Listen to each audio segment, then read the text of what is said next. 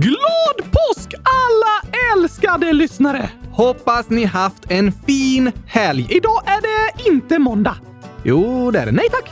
Vad menar du nu? Att det inte är måndag. Eh, ja, men idag är det måndag. Ja, men det är inte idag. Jag förstår ingenting nu. Igår var det söndag. Precis. Påskdagen. Yes. Och idag är det måndag. Fast det är inte idag. Varför inte? För det är en annan dag. Ja, annan dag påsk. Precis, en annan dag. Alltså inte idag. Ah, du menar så. Jag förstår inte riktigt hur det kan vara en annan dag än vad det är. Det är inte det det betyder. Det är måndag idag, fast det är en annan dag, så det är inte måndag idag. Jo, det är måndag. Eller lyssnarna kan ju lyssna en annan dag. Precis, de kan lyssna när det är en annan dag. Ja, de kan lyssna vilken dag som helst, men idag är det annan dag. Och alla andra dagar är det en annan dag. Eh, ja, alltså inte måndag, utan något annat. Jo, Oskar. Det är måndag idag, men varför är det då en annan dag om det är den dagen det är? Det är annandag påsk. Det som kommer efter påskdagen liksom. I lördags var det påskafton, i söndags påskdagen och så idag på måndagen är det annandag påsk. Det är samma som med jul. Julafton, juldagen, annandag jul den 26 december. Fast det är inte då för det är en annan dag. Nej, annandag jul är alla dagar utom den 26 december, för det är ju en annan dag! Det är inte det det betyder. Vad betyder det då? Det är en helgdag som kommer dagen efter själva högtiden. Men vadå en annan dag? Ja, alltså det är ju inte påskdagen, så det är en annan dag än påskdagen. Hmm. Det har du rätt i. Men det är fortfarande måndag. Är annan dag påsk? alltid på en måndag. Ja, det är det. Men annandag jul är olika veckodagar, för det är alltid den 26 december. Påsk kan vara olika datum, så annandagen kan vara på en annan dag. Eh, ja, jo, så blir det ju då. Då är det verkligen en annan dag. Det får vi säga. Vem bestämmer när det är påsk? Det är lite krångligt faktiskt eftersom påsken är olika datum varje år. En annan dag varje gång! ja, faktiskt.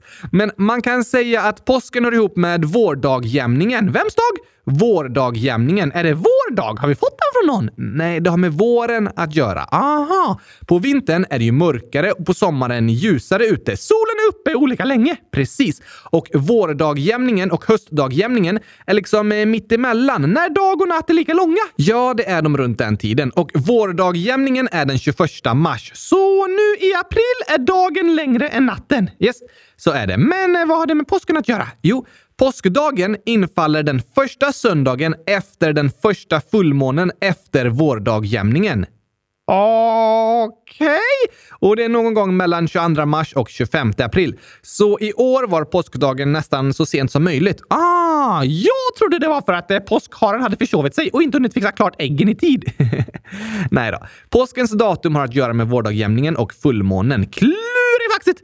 Men alltså, i torsdags lyssnade vi tillbaka på avsnittet om varför påsken firas. Just det, det är ju en kristen högtid som firas till minne av Jesu död och uppståndelse. Ja tack, men eh, det är något jag funderar på. Okej. Okay.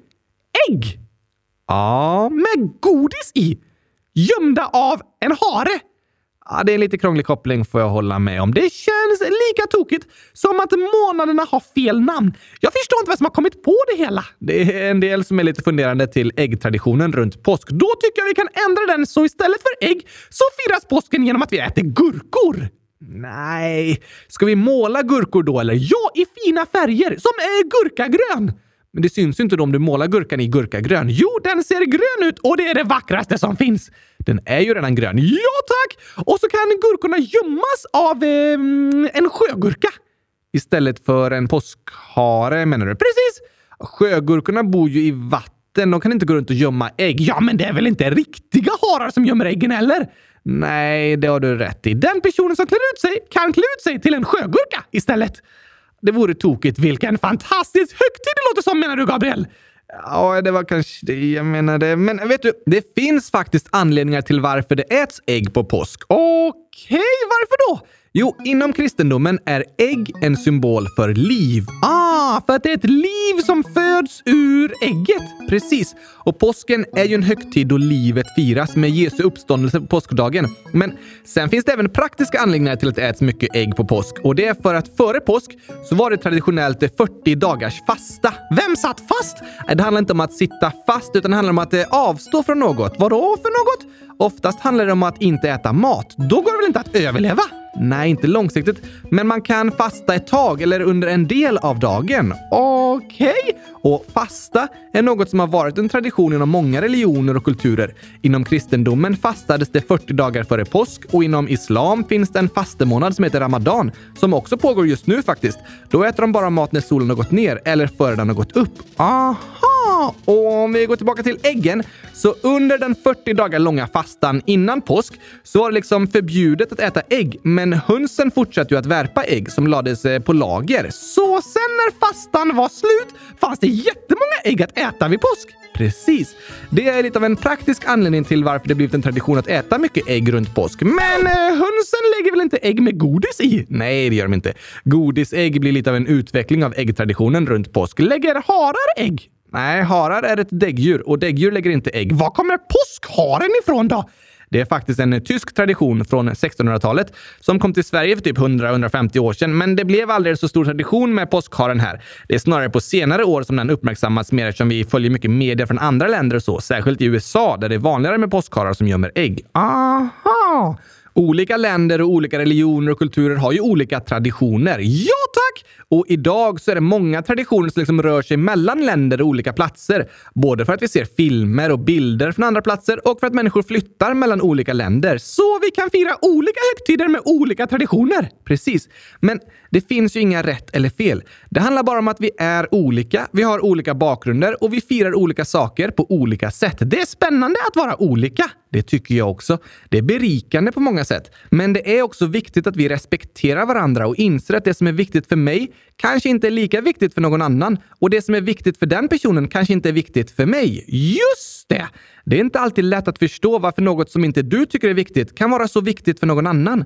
Men det är ett exempel på att vi är olika och tycker att olika saker är olika viktiga. Och det är viktigt att respektera.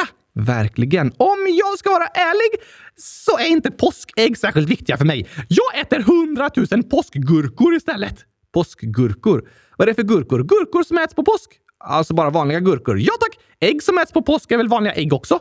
Ja, det har du rätt i. Fast påskägg brukar ju ofta de med fyllda godisäggen kallas. Eller chokladägg och sånt. Chokladägg? Yes. Påsken är en riktig chokladhögtid. Gabriel! Ja, ja, jag vet inte. Men alltså, choklad är ju populärt att äta, så både påsk och jul är riktiga chokladhögtider. Kopplingen kan ju kännas lite tokig. Jesus dog på ett kors. Ät choklad. Jag fattar ingenting. Nej, men påsken är ju en glad högtid och många blir glada av och choklad, så det passar väl. Ägg är helt okej, okay. men choklad! Jag lovar att bara lägga gurkaskivor i ditt påskägg, Oskar. I min påskgurka! Ska det vara en pappformad gurka med gurkaskivor? Yes thanks! Det låter ju perfekt. Vet du förresten hur många ägg som äts i Sverige under påsken? Chokladägg? Nej, riktiga ägg. Aha! Hundratusen stycken! Nej, många fler än så. Fler? Yes. I Sverige beräknas det att det äts 2000 ton ägg under påskveckan. Är det många? Supermånga! Ungefär dubbelt så många som en vanlig vecka. Och under själva påskafton äts det upp till 6 miljoner ägg varje timme. Över hela jorden? Nej, i Sverige. What? Det är otroligt många. Hur lång tid tar det då att äta 100 000 ägg? Hmm, ja, 100 000 är ju en sextiondel av 6 miljoner, så det tar en minut. What? Äts det 100 000 ägg i Sverige på en minut? Ja, när det äts som mest ägg på påskafton äts det 100 000 på en minut. Vi måste starta en gurkahögtid istället, Gabriel! Du kommer nog inte kunna ersätta äggen med gurkor på påsk. Okej, okay, men gurkans dag då? 14 juni? Ja tack! Då ska det ätas 100 000 gurkor på en minut! Jag vet inte om vi kommer få lika stort genomslag med den högtiden. Tiden. Jag är ganska säker på att det inte kommer bli lika populärt som påsken. Det har du nog rätt i. Men det gör inte så mycket, för jag själv äter 100 000 gurkor på en minut. Nej, det gör du inte. Jo tack! En gurka första 30 sekunderna, sen en gurka till under de andra 30 sekunderna. Ah, en plus en gurka. Det låter lite svårt det med, men mer rimligt. Nu när det är en annan dag och påsken snart är över vänder vi blickarna mot nästa stora högtid, Gurkans dag! Det kommer andra högtider innan dess och det är inte särskilt stor högtid. I kylskåpsradion är det det. Absolut. Men på tal om gurkor ska vi sätta på gurkagängen och dra igång det här avsnittet. Yeah!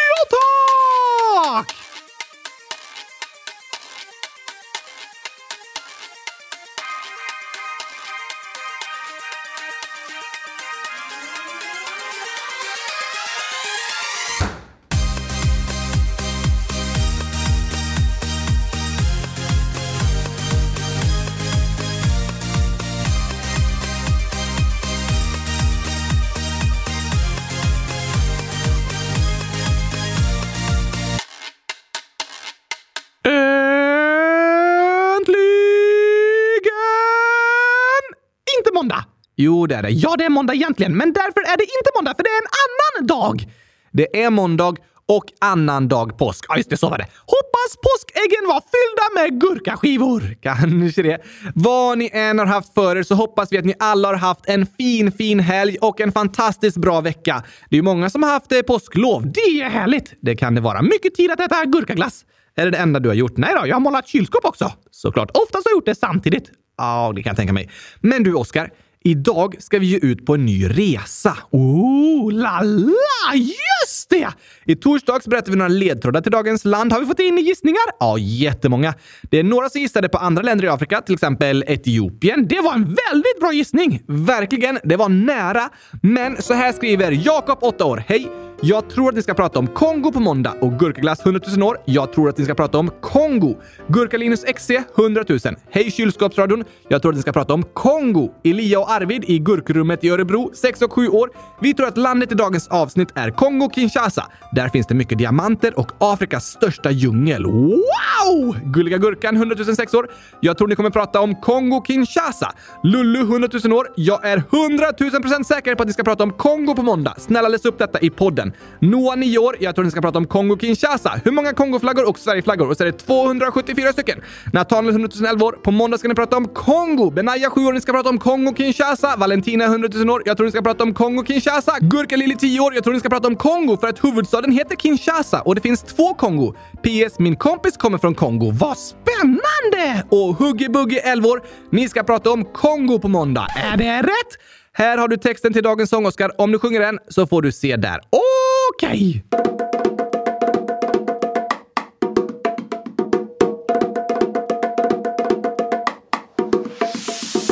Välkommen till ett av hela världens största länder. Lyssna noga för att lära dig om vad som här händer. Ut med floden genom regnskogen som är gigantisk. Upp i bergen för att kunna se allting fantastiskt. Flera hundra språk kan du i landet här få höra. I Kinshasa hittar du alltid någonting att göra. Käkar fufu, ugali, pondu och makemba. Djupt inne i skogen ser du en okapi vända. Ett bortglömt krig som drivs på av blodsbatterier. En historia präglad av våld från hem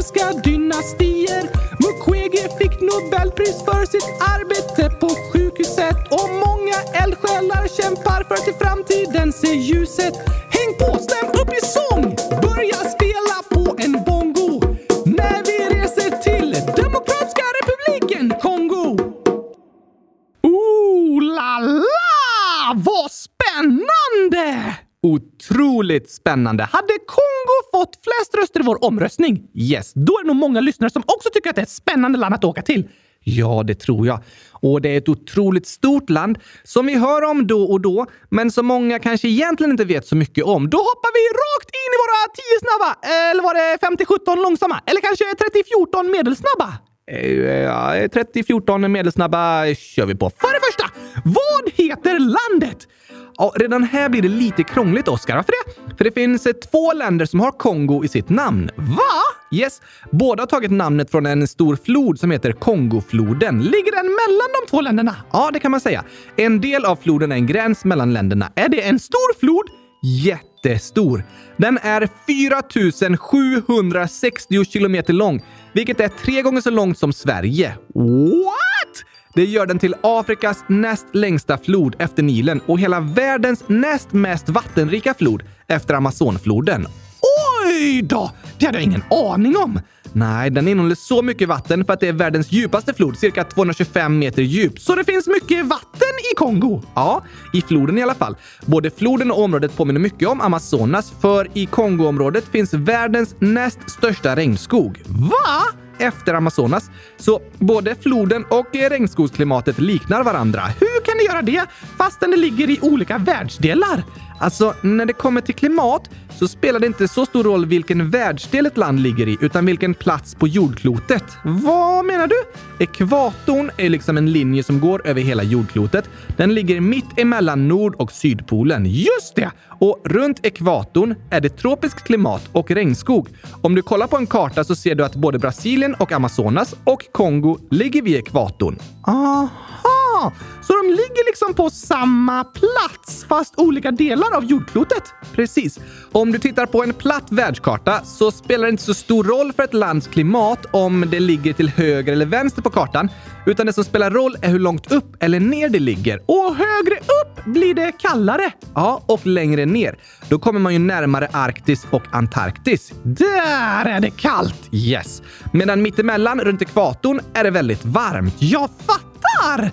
Andra länder runt ekvatorn, till exempel Indonesien, där är det också lite liknande klimat som i Kongo och Brasilien. Och sen lite ovanför ekvatorn, där är det ökenklimat, som i Sahara. Precis. Och på den breddgraden som det kallas är det ökenklimat på många delar av jordklotet. I Mexiko och södra USA finns också flera öknar. De ligger på samma höjd på kartan som Sahara. Just det. Och om du går ännu högre upp så ser du att eh, Sverige och Kanada är ungefär på samma höjd. Och det är därför Sverige och Kanada har ett liknande klimat. Och Kongo och Brasilien båda har regnskog. Ja. Hur högt upp eller hur långt ner ett land ligger på jordklotet, det kallas vilken breddgrad det ligger på, påverkar hur mycket solen når landet och hur varmt det blir och så vidare. Så det är olika slags klimat på olika breddgrader. Och Kongo och Kongofloden har många likheter med Amazonas. Det kan man säga, i alla fall klimatmässigt. Men inte i vilka djur och så som finns där, för det är olika på olika världsdelar. Just det! Och Kongo är ett väldigt stort land, så det är olika klimat i olika delar av landet. Men eh, vilket Kongo menar du då? Just det. Det är ju Kongofloden man kan säga som har gett namn till det som idag är två olika länder som har Kongo i sitt namn. Vi ska ta lite mer historia sen, men redan på 1300-talet bildades något som kallades Kongoriket, som var som ett stort land i Afrika runt Kongofloden. Floder är viktiga! Väldigt viktiga. Om ni kollar på kartor så ser ni att många stora städer ligger vid floder. Var det för att människorna ville hämta vatten från floden? Ja, det var ju användbart för att kunna ha jordbruk och hämta vatten till att dricka och plantera mat. Men sen är floder väldigt viktiga för transporter också. Att varor skickas på båtar. Precis. Kongofloden har varit otroligt viktig för att skicka varor från Centralafrika ut till havet. Och det är en anledning till att det har varit ett omstritt område. Och det här med handel och att använda båtar som fraktfartyg och så vidare har gjort att de flesta av världens största städer ligger antingen vid havet eller vid en stor flod. Om man kollar på en flod på en karta så kan man se i alla världens länder att många av de stora städerna har byggts ut med den floden. Vatten är viktigt! Man kan säga att det är det viktigaste som finns för oss människor, för utan vatten går det inte att odla gurkor. ja, det är det viktigaste för dig, men ja, vatten är livsviktigt och med växande befolkningar i världen och klimatförändringar så är det många experter som förutser att i framtiden kommer många krig och konflikter vara krig om vatten. Oj då! Det är väldigt allvarligt. Men i Kongo finns Kongofloden. Jag visste inte att det var världens näst största flod! Nej, men i vattenmängd är den det. Och om jag äntligen ska försöka svara på din första fråga, alltså det här avsnittet kommer ta hundratusen år om varje svar är så här långt! Eller hur? Idag finns det två länder som heter Kongo. I öster, alltså till höger på kartan, ligger det största landet. Det heter formellt Demokratiska republiken Kongo. Aha! Och på andra sidan Kongofloden, i väst, ligger republiken Kongo. Det är ganska mycket mindre land, men fortfarande stort. Det var väldigt lika namn. Republiken Kongo och Demokratiska republiken Kongo eller hur?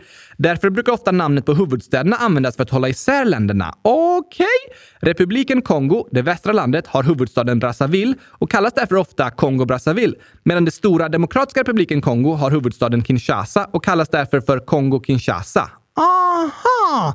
Jag fattar! Och om ni ser det i text så står det ofta DR Kongo. Det står för Demokratiska republiken Kongo, alltså Kongo-Kinshasa. Precis. Och det är det landet vi ska prata om idag. Och om någon pratar om landet och bara säger Kongo så skulle jag säga att de oftast menar Kongo-Kinshasa. Fast egentligen finns det två möjliga alternativ. Ja, det gör det. Men vi är i Demokratiska republiken Kongo, a.k.a. Kongo-Kinshasa. Hur många bor det där? 90 miljoner människor. Oj! Det är otroligt många. Det är fjärde flest i Afrika och 16 flest i världen. Wow! Dessutom är det ett av de länder i världen där befolkningen ökar snabbast med över 3% varje år, vilket är jättemycket. År 1950 bodde det bara 12 miljoner människor i Kongo-Kinshasa och idag 90 miljoner! Yes, så befolkningen har nästan niodubblats på 70 år. Det är väldigt annorlunda mot till exempel Sverige, där befolkningen bara ökat från 7 till 10 miljoner under samma tid. På bara de senaste 20 åren, från början av 2000-talet, har Kongos befolkning fördubblats. Så det är många som är väldigt unga? Ja.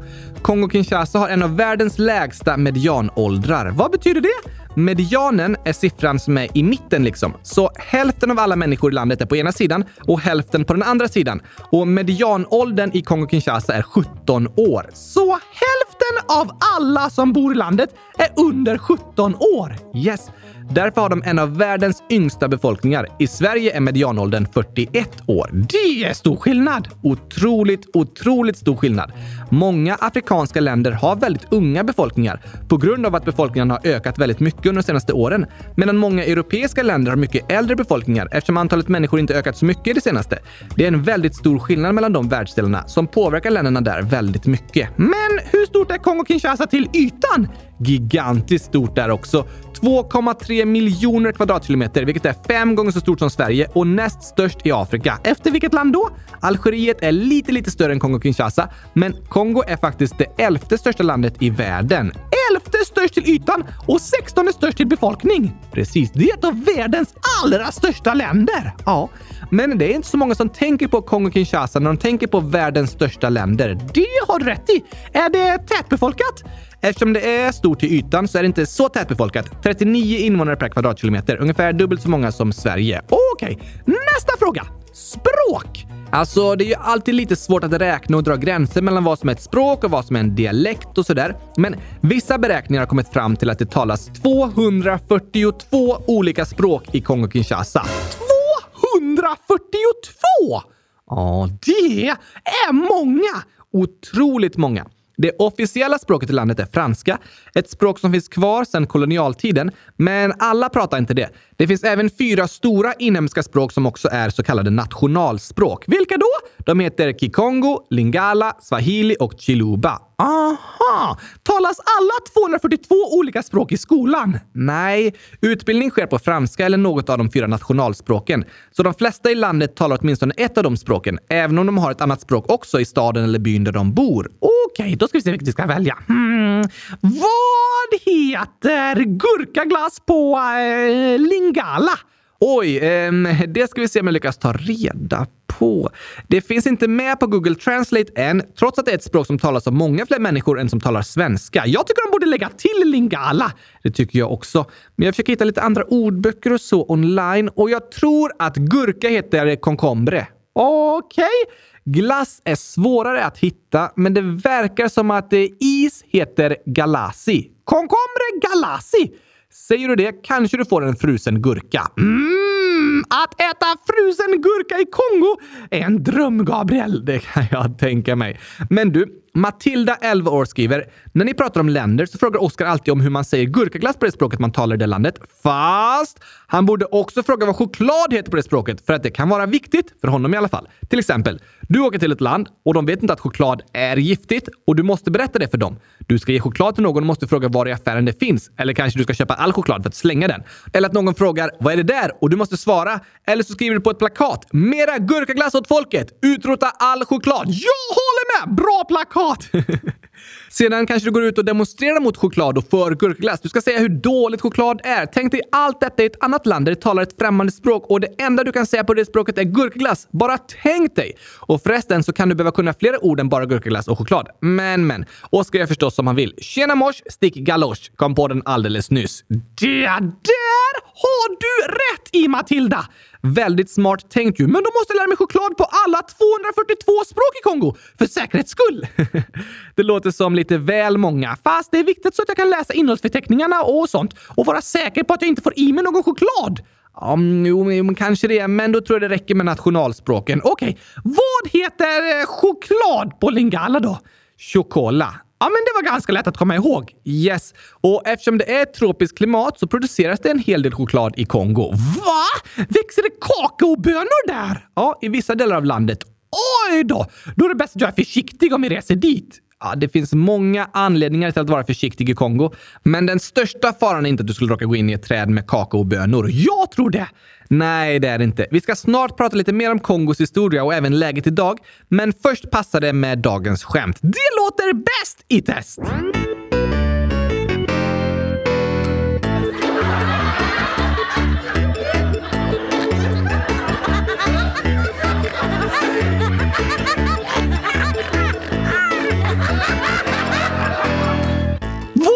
Du för skämt på lager, Gabriel? Alltså, det är ju fortfarande annandag påsk, så jag tycker det passar med några påskskämt. ja, tack! Det är skönt när det är måndag och annandagen kommer. Va varför det? För det har varit sån uppståndelse hela helgen. Ah. Fullspikat program! det kan man säga om påsken. Men eh, vet du varför äggen är så billiga på påsk? För att det äts 100 000 ägg per minut? Bra gissning, men det borde ju egentligen göra dem dyrare eftersom efterfrågan är större. Sant! Då vet jag inte. De är billiga för det är extrapris. Ah! Äggstrapris! Det låter som ett bra pris på äggen! Maten på påsk är verkligen extravagant. Ja, det kan vi kalla den. Extra speciell! Just det. Och påskäggen målas med exklusiva motiv. Eller hur? Och på mackorna har man mycket pålägg. Ja. Pålägg. Men här får du en kluring, Gabriel. Okej, okay. när kommer julen före påsken? Oj, ehm, alltså påsken är ju i mars eller april, men julen kommer i december. Ja tack! Fast i berättelsen om Jesus kom ju julen först eftersom det är då det firas att han föddes. Ja, men nu pratar vi om högtiderna idag. Okej. Okay. När kommer julen före påsken då? I ordboken! Ah, J kommer före P! Såklart. Den här då? Vet du hur påskharen säger hej då? Mm, eh, nej. Ha det bra! ha det bra. Hur var din påsk, Gabriel? Jo, men eh, den var bra. Din då, Oskar? Excellent! Excellent. Det finns många ord som har ägg i sig. Ja tack, passar bra på påsken. Det gör det verkligen. Men ska vi ta en sång nu? Det tycker jag. Vissa har haft lov och ska tillbaka till skolan, så då kan vi lyssna på hashtag back to skolan. Det passar ju. Jag ska tillbaka till universitetet imorgon efter en veckas ledigt, men vissa får lov nu. Ja, sant. Fast det, det, går ju även att lyssna på det här avsnittet när som helst under året. Det har du rätt i! Så det spelar ju ingen roll om det är skolvecka eller inte. Låten är bra ändå. Det tycker jag.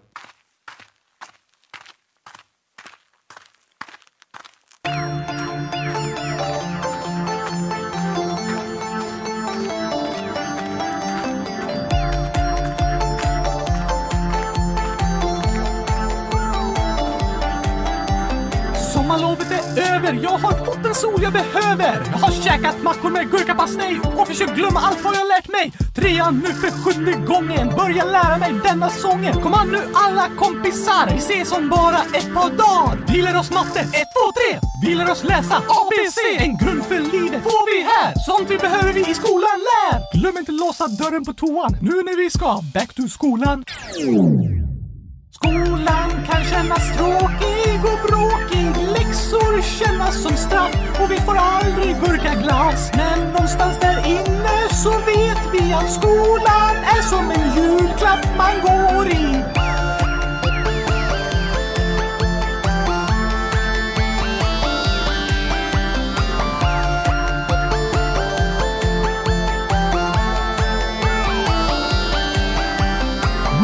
hösten regnar bort, nederbörd av all dess sort. Blöta vi till skolan kommer, kan känna sig som värsta fången. Men även om jag ej var tvungen, hade jag varit första ungen utanför vår klassrumsdörr. Jag vet att det är bättre än förr. Skolplikt sen 62, täck för allt vi i skolan får. Även om det är lite kass att vi aldrig får gurkaglass. Glöm inte låsa dörren på toan nu när vi ska back to skolan. Skolan kan kännas tråkig och bråkig. Läxor kännas som straff och vi får aldrig gurkaglass. Men någonstans där i inne så vet vi att skolan är som en julklapp man går i.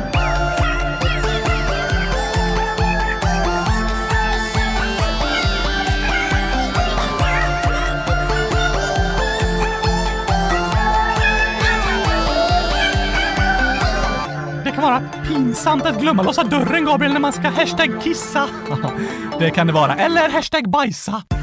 Det kan vara pinsamt att säga hashtag på lite fel ställen också. Hashtag whoops, hashtag fail. Hashtag sluta säga hashtag. Hashtag okej. Skolan kan kännas tråkig och bråkig. Läxor kännas som straff och vi får aldrig gurkaglass. Men någonstans där inne så vet vi att skolan är som en julklapp man går i.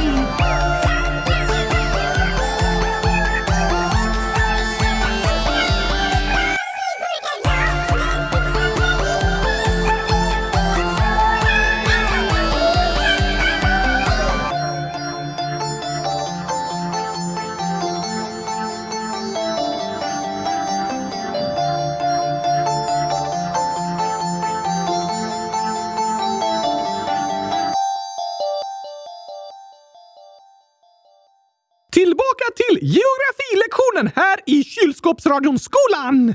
Det är ju inte en skola, nej, men vi lär oss många spännande grejer. Det håller jag med om. Det är kul att lära sig saker. Det tycker jag också. Jag vet att många kan vara trötta på skolan eller stressade och sådär.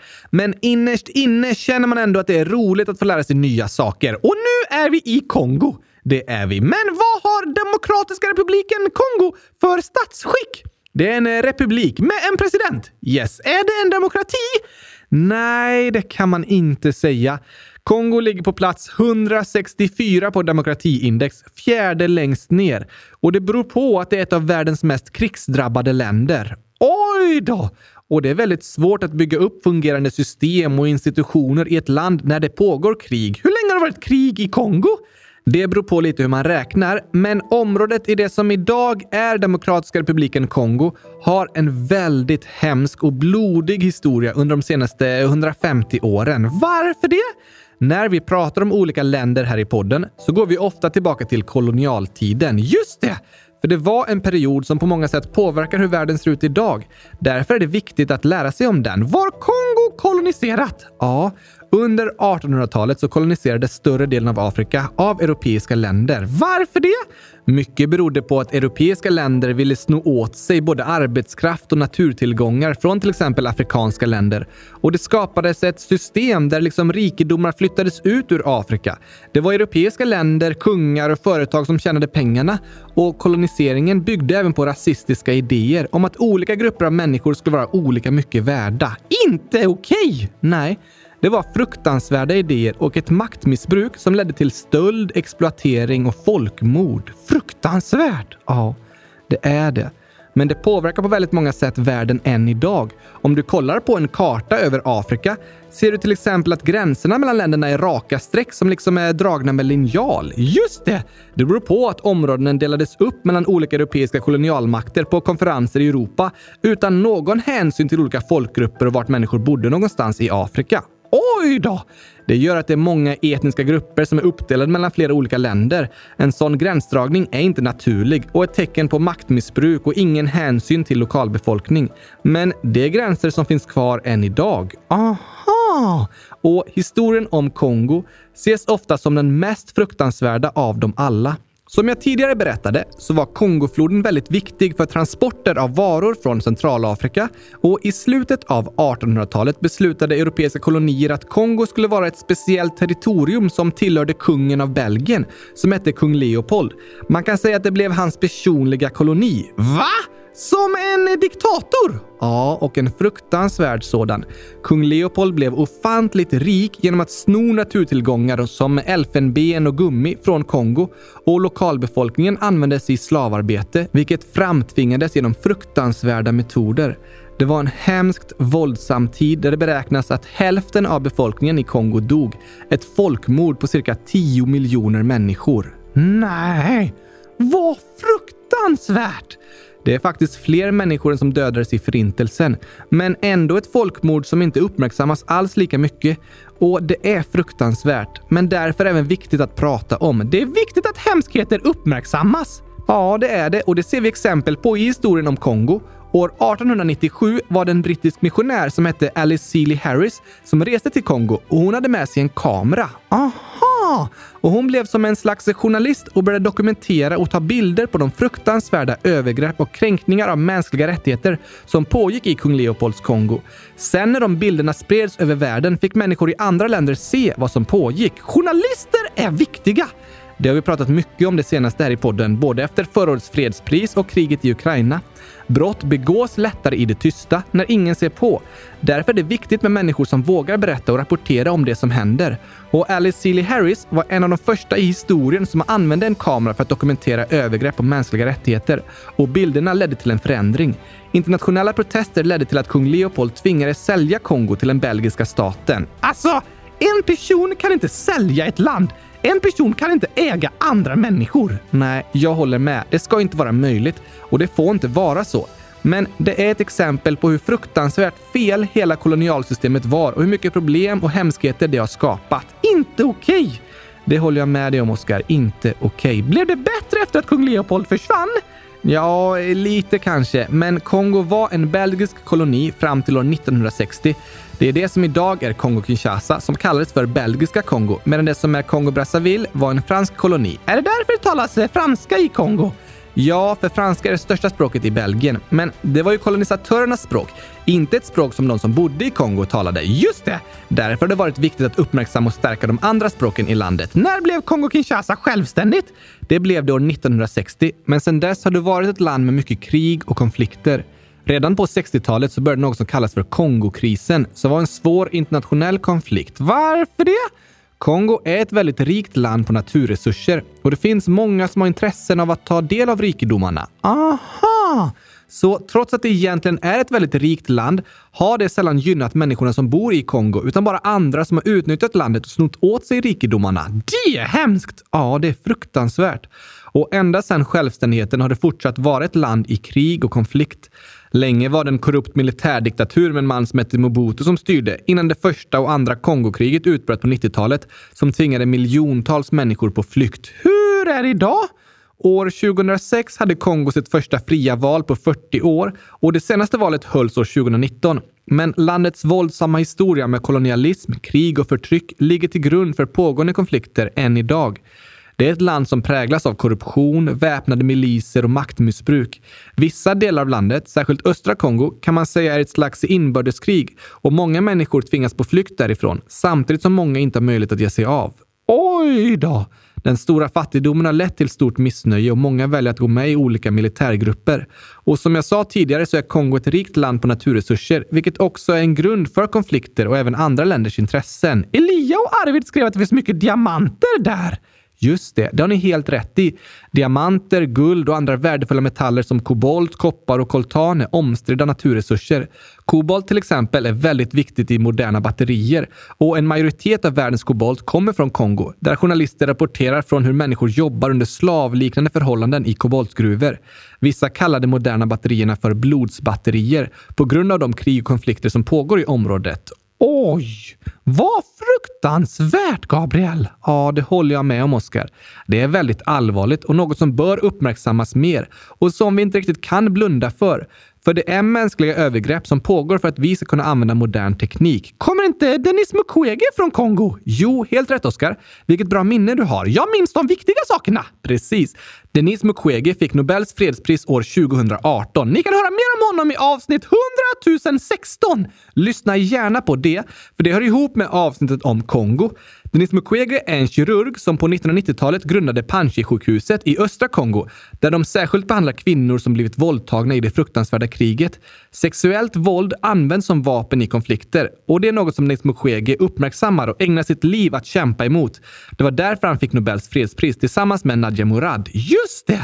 Denis Mukwege har blivit en internationell person som uppmärksammar det hemska som händer i Kongo och det är väldigt viktigt. Och jag tror det är viktigt att vi är många som lyssnar på det han och andra människor från området har att berätta. För det som pågår är inte okej okay och förändring måste ske snarast. Ja tack! Och jag hoppas att ni som lyssnar har lärt er något om Kongos historia och situation nu idag. Väldigt mycket! Men när vi pratar om länder här i podden så vill vi inte bara prata om krig och hemskheter. Nej tack! Ofta är det mesta folk hör från Kongo. Men nu tycker jag vi ska fortsätta med våra frågor och uppmärksamma andra saker från landet också. Bra tänkt Gabriel! Då tar vi oss till huvudstaden! Den har vi ju nämnt flera gånger i samband med namnet på landet, nämligen Kinshasa. Är den stor? Ja. Där bor det 17 miljoner invånare, vilket gör det till en av Afrikas och hela världens största städer. Oj då! Och Kongofloden går typ igenom Kinshasa och på andra sidan floden ligger republiken Kongos huvudstad Brazzaville. Aha! Det är också en stor stad, men inte lika stor. Vilken valuta har de i Kongo-Kinshasa? Kongolesisk franc. I dagens växlingskurs är en svensk krona värd 210 kongolesiska franc. Men det ändras ganska mycket hela tiden. Okej! Okay. I ett land som inte har starka ekonomiska institutioner och system kan pengarnas värde ändras väldigt mycket fram och tillbaka, vilket också gör det svårt för invånarna i landet. Oj då! Hur ser flaggan ut? Det är en ljusblå bakgrund och så ett gult streck med ett rött streck inuti sig som går från övre högra hörnet ner till det vänstra hörnet. Just det! Och så en stjärna uppe i vänstra hörnet. Och Kongo har haft väldigt många olika flaggor under de senaste hundra åren. Från kolonialtiden till militärdiktaturen och sen olika republiker. Är det här en eh, gammal flagga? Nu har de haft den sedan 2006, men det är ungefär samma flagga som landet antog på 60-talet. Sen byttes den flaggan när det blev en militärdiktatur och då byttes även namnet på landet. Men nu är flaggan och namnet Kongo tillbaka. Okej, okay. vanliga maträtter då? På grund av sitt klimat så är det vanligt att äta frukt och särskilt mango, något som går att äta året runt. Smakar det gurka? Nej, mango smakar mycket godare än gurka tycker jag. Inte jag! Okej, okay, visst. Men sen så är det ett väldigt stort land så såklart skiljer sig matkulturen åt lite i olika delar av landet. Just det! En nationalrätt är dock moamba kyckling som är en typisk kycklinggryta med kyckling, kryddor och palmsmör som ofta serveras med ris. Aha! Och i floden fångas även fisk och flodräkor som är en populär rätt. Ofta äts kött eller grönsaker tillsammans med majsgröt som kallas ugali eller fufu som är en deg gjord på kassavamjöl. Spännande! Eller hur? Det är många i Kongo som jobbar som lantbrukare där kassava är vanligt att odla. Och förutom fufu så görs även rätten pondu av kassavalöv som kokas i en gryta. Och annat vanligt att odla är bananer, jordnötter, kakaobönor, tobak, sockerrör och majs. Vanligaste sporten då? Det är fotboll. Ah, fotboll är superpopulärt. Och jag läste ett citat av en tränare från Kongo som sa så här. Vi har många problem här i Kongo, men när människor spelar eller tittar på fotboll, då glömmer de alla problem. Det var ju faktiskt fint sagt! Ja, det där är styrkan som finns i sport. Att det går att samlas och spela tillsammans och skapa glädje även i jobbiga situationer. Det har du rätt i! Särskilt gurkakastning. Um, ja, kanske det. Vanligaste namnen! Det är lite svårt att hitta info, men jag hittade en lista som jag hoppas stämmer ungefär i alla fall. För tjejer är de vanligaste namnen Marie, Therese, Jeanne, Kristin, Veronique, Charlotte, Helene, Alfonsine, Esther och Rosé. Och för killar Jean, Joseph, André, Pierre, François, Albert, Paul, Emmanuel, Augustin och Justin. Och Okej! Okay. Vad har de mest av? Som jag nämnde tidigare så är Kongo ett land rikt på naturresurser och särskilt speciella metaller. Och regnskog! Ja, just det. Det har de också mycket av. Tidszon då? Gulliga Gurkan 100 006 år skriver i Kongo-Kinshasa har de en timme efter Sverige. Aha, är det så? Ja, i vissa delar av landet, i vissa delar av året tror jag det blir så. Det beror på lite om vi har bytt till sommartid eller inte här i Sverige. Ah! Demokratiska republiken Kongo är ett så stort land så det är faktiskt indelat i två tidszoner. En i västra delen av landet och en i östra delen. Så olika städer har olika tid. Ja, så blir det. Då måste det vara stort! Verkligen, det är ett exempel på hur stort landet faktiskt är. Och normalt är ju Sverige i tidszon plus ett, men nu när vi har flyttat fram klockan en timme under sommartiden är vi i tidszon plus två. Krångligt! Det är faktiskt lite krångligt, men västra delen av Demokratiska republiken Kongo är i tidszon plus ett och östra delen i plus två. Okej, okay, så vi är med liksom i olika delar av året. Nationaldjur! Okapi. Va? Vad är det för djur? Det är ett hovdjur i familjen giraffdjur, men påminner mer om en häst än en giraff. Okej. Okay. En okapi är ganska lik en zebra och har svartvita ränder på bakdelen, men inte över hela kroppen. Var bor den? Okapin bor bara i Kongo-Kinshasas tropiska regnskogar i nordöstra delen av landet. Aha! Så det är ett speciellt djur just för Kongo. Kan de bli stora? Ja, upp till 170 cm i mankhöjd, cirka 2,5 meter långa och väga uppåt 250 kilo. Wow! Okapin vistas inte lägre än 500 meter över havet. Det är därför den bara bor i nordöstra delen av landet och inte i träskmarkerna i västra delen. Finns det höga berg i Demokratiska republiken Kongo? Ja, väldigt höga. Högst är Mount Ngaliema som är 5109 meter över havet. Det är tredje högst i Afrika. Wow! Så det finns regnskog, en gigantisk flod, unika djur och till och med höga berg! Kongo är en superhäftig plats. Har du varit i Kongo, Gabriel? Nej, men jag har varit ungefär 15 minuter ifrån gränsen när jag varit i Zambia. Så det området jag varit i är väldigt likt södra Kongo och jag har mellanlandat i Lubumbashi som är landets tredje största stad. Aha! Vilken är den största sjön i Demokratiska republiken Kongo? Eftersom det finns världens näst mest vattenrika flod som har mängder av bifloder som täcker nästan hela landet så är det ett område med även stora sjöar. Störst är Tanganyika-sjön som ligger i flera länder, såväl Kongo som Burundi, Tanzania och Zambia. Är sjön gränsen mellan länderna? Ja, precis. Det är en avlång sjö som är 33 000 kvadratkilometer stor, vilket är sex gånger större än Vänern. Oj då! Och det som är speciellt med Tanganyika-sjön är att den är väldigt, väldigt djup. Va? Det är faktiskt den näst djupaste sjön i världen. Hur djup? Som mest 1435 meter djup. Wow! I genomsnitt är den 570 meter djup. Det gör att den innehåller väldigt, väldigt mycket vatten och är världens näst största sötvattensjö i volym. Har de det också? Kongo är ett land med många spektakulära naturfenomen. Flod, regnskog, berg, sjö, alla bland de största i världen. Helt otroligt ju. Men har de något gott godis? Som jag sa så tillverkas det en hel del choklad i landet. Men jag sa något gott! godis! Något annat än choklad! Okej. Okay. Ja, alltså något som inte riktigt är en efterrätt eller godis, men eh, typ snacks är makemba eller plantains. Vad är det? Det är lite likt en banan, men den går inte att äta rå utan måste kokas, grillas eller friteras i olja. Och i storstäderna är det populärt att äta sån liksom friterad banan på snabbmatsrestaurangerna istället för pommes frites. Ja, det är ganska vanligt. Men annars är det vanligt att äta kokad och mosad makemba. Då kallas det för lituma och äts som en degknyten till maten. Det blir lite som ett mellanting mellan bröd och potatismos. Gjord på banan! Ja, en slags banan. Andra godsaker då? Något annat populärt är mibinso. Vad är det? Torkade larver. What? Det är väldigt populärt. Som snacks? Ja, snarare i mat. I Kinshasa tillagas de ofta med sås gjord på lök, olja och chilipeppar. Chililarver! Yes. Låter gott. Jag håller mig till gurka, Gabriel. Gör du det, Oskar? Flygande myror är också populärt som snacks. Va? Ja, andra snacks är ofta gjorda på kokos och jordnötter som kan vara friterade och mixade på olika sätt. Oj, oj, oj, oj. Det finns mycket gott att testa. Mm, oj, jag håller mig fortfarande till gurkan. Jag kan ana det. Men ska vi avsluta med nationalsången för Demokratiska republiken Kongo? Det låter bra, Gabriel!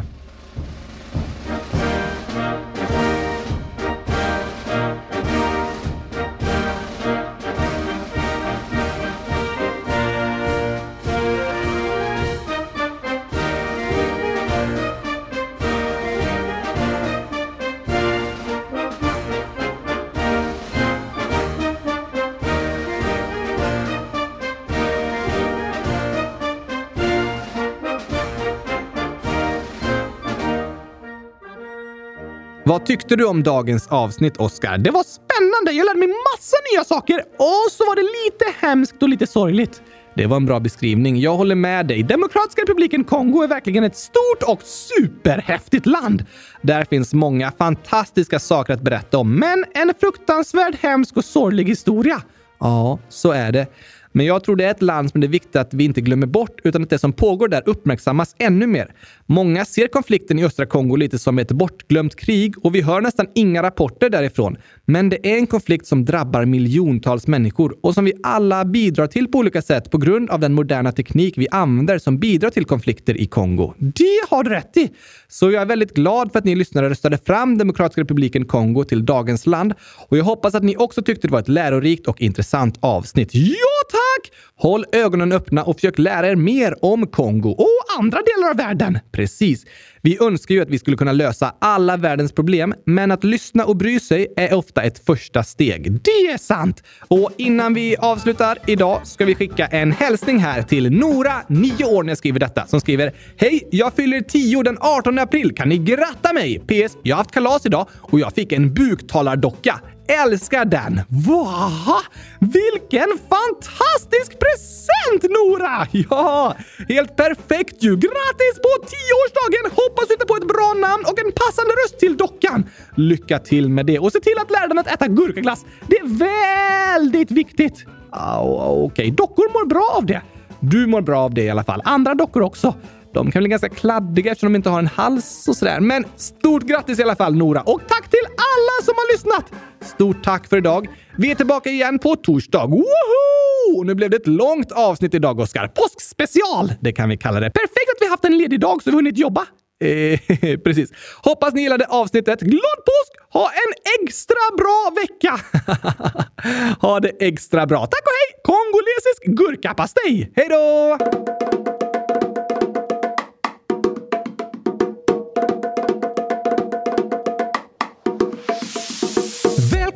till ett av hela världens största länder. Lyssna noga för att lära dig om vad som här händer. Den som är gigantisk. Upp i bergen för att kunna se allting fantastiskt. Flera hundra språk kan du i landet här få höra. I Kinshasa hittar du alltid någonting att göra. Käkar fufu, ugali, pondu och makemba. Djupt inne i skogen ser du en okapi vända. Ett bortglömt krig som drivs på av blodsbatterier. En historia präglad av våld från hemska dynastier. Mukwege fick Nobelpris för sitt arbete på sjukhuset och många eldsjälar kämpar för att i framtiden se ljuset.